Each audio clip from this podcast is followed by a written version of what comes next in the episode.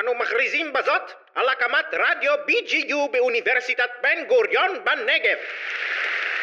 היי, אני אופיר. אני ניבה. ואני בוזי. ואנחנו מרדיו BGU. רשת הפודקאסטים והתוכן הקולי של אוניברסיטת בן גוריון. בנגב.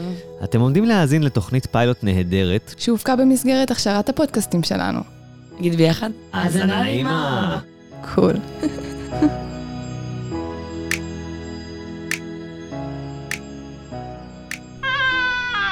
וואי, אוף, אנחנו מאחרים כבר לשיעור. את בטוחה שזה פה? לא יודעת, זה מה שכתוב באפליקציה. מה זה חצי קומה? התקמצנו על קומה שלמה? אולי זה באג? ומה הלו"ז פה עם כל המסדרונות האלה? זה בניין באוניברסיטה או מבוך אימה? שמע, כתוב אה, קומה ארבע וחצי, אני לא יודעת מה להגיד לך.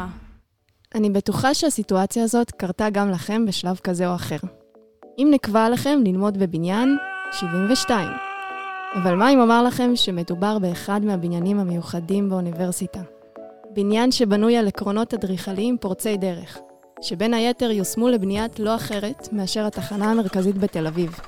כן, אותה אחת שאתם תמיד הולכים בה לאיבוד בדרך לאוטובוס, ומרגישים שמדובר ביקום מקביל וקודר. וואי, זה לא רק הקומות. תראי איזה מכוער הבניין הזה.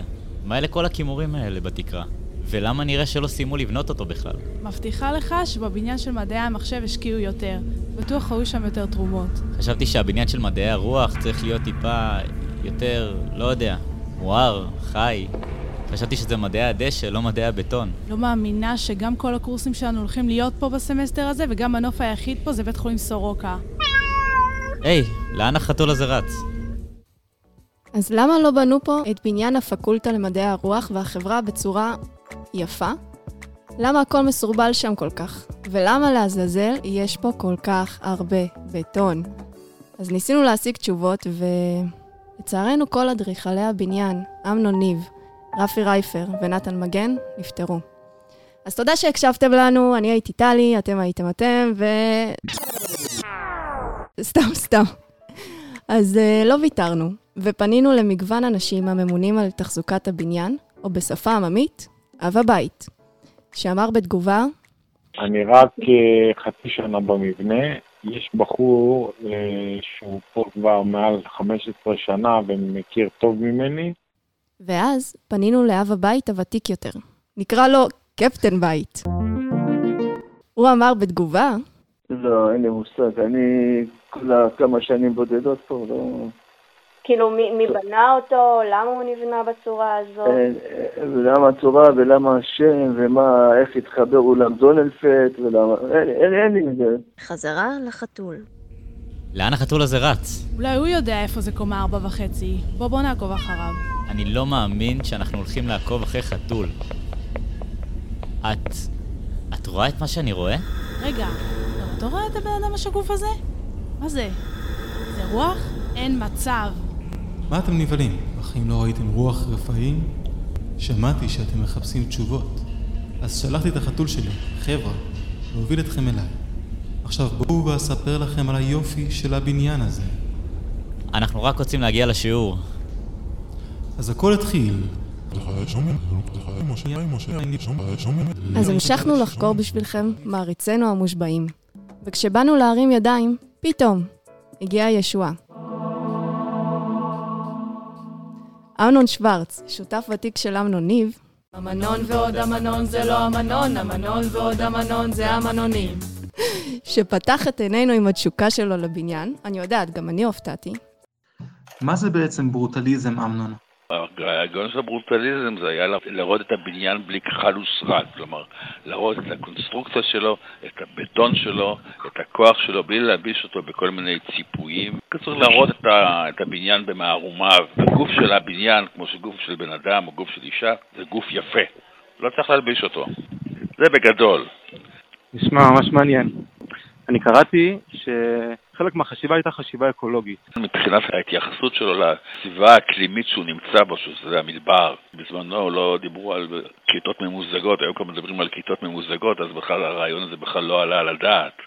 שבעצם המיזוג הוא, הוא מובלע בקונסטרוקציה, לא צריך מיזוג אה, מיקור חיצוני. נכון. אבל בזמנו ניסו לעשות כאילו בבניין שייתן הרבה צל, כן?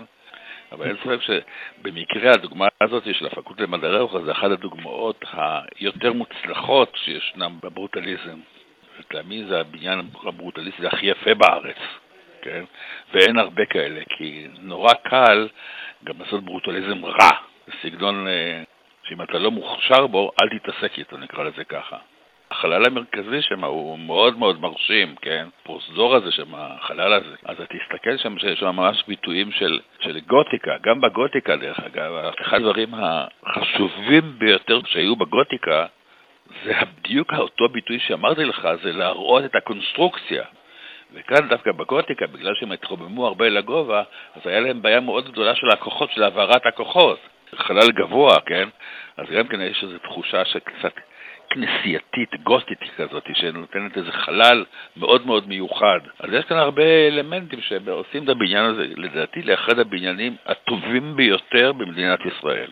אז אולי, אחרי הכל, בניין הפקולטה למדעי הרוח הוא לא כזה מכוער, ואפילו, אפשר להגיד, אנושי. המחשבה מאחורי בניית בניין עם בטון חשוף, כאשר רואים את כל הקונסטרוקציה בולטת, מראה לנו בצורה הכי ברורה שיש, שגם מה שקורה בתוכנו משנה, והכי חשוב, יפה. וואלה, מזכיר לי קצת את השיר של קריסטינה אגילרה. הבניין יכול לדבר לכולם. מהבחינה האקולוגית, אמנם היה ניסיון אקולוגי על ידי יצירת מבנה מאוברר בקיץ ומבודד בחורף. אני אישית לא מרגישה את זה. מהבחינה הגותית, החלל המרכזי מזכיר כנסיות, עם המבנה הגבוה והקשתי שלו. מהבחינה האדריכלית, הברוטליזם לא בא במטרה ליצור מבנה שנוח לתמרון או יעיל, אלא הוא בא במטרה לתת תחושה של עיר תחת קורת גג אחת, עם כל ההסתעפויות והמסדרונות שלמדנו לנווט בתוכם. אז לסיכום, ברוטליזם עושים באהבה או לא עושים בכלל. ההשקעה בפרטים, המחשבה הפילוסופית והאהבה לסגנון היא זו שעשתה את בניין 72 לבניין הברוטליסטי הכי טוב שיש. אז הבנתם, זה בעיקרון הסיפור כולו.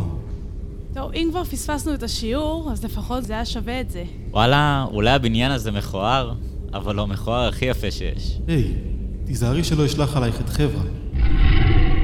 עליו אתם משלמים דמי אבטחה. תודה לכל חברי הצוות, רותם ציפורי, איתי בורובינסקי, תימור אלמליח, טלי מוצקין ואיתי דויטשמן. למנטורים שלנו, בוזי רביב, ניבה יאיר שמש ואופיר לוגסי. הפודקאסט הופק במסגרת הכשרת הפקת פודקאסטים לרדיו BGU. זהו נראה לי. כן. וואי, נראה לי יצאנו ממש טוב, לא? וואי, כן. אהבתם? אתם מוזמנים להשתתף בהכשרת השדרנים הבאה, או לפנות אלינו עם כל שאלה והצעה בכתובת המייל. אתם רושמים? bgu.radio.bgu.ac.il מוזמנים לעקוב אחרינו בפייסבוק, באפליקציית הפודקאסטים, או באפליקציה של האוניברסיטה. מגניב בנגב!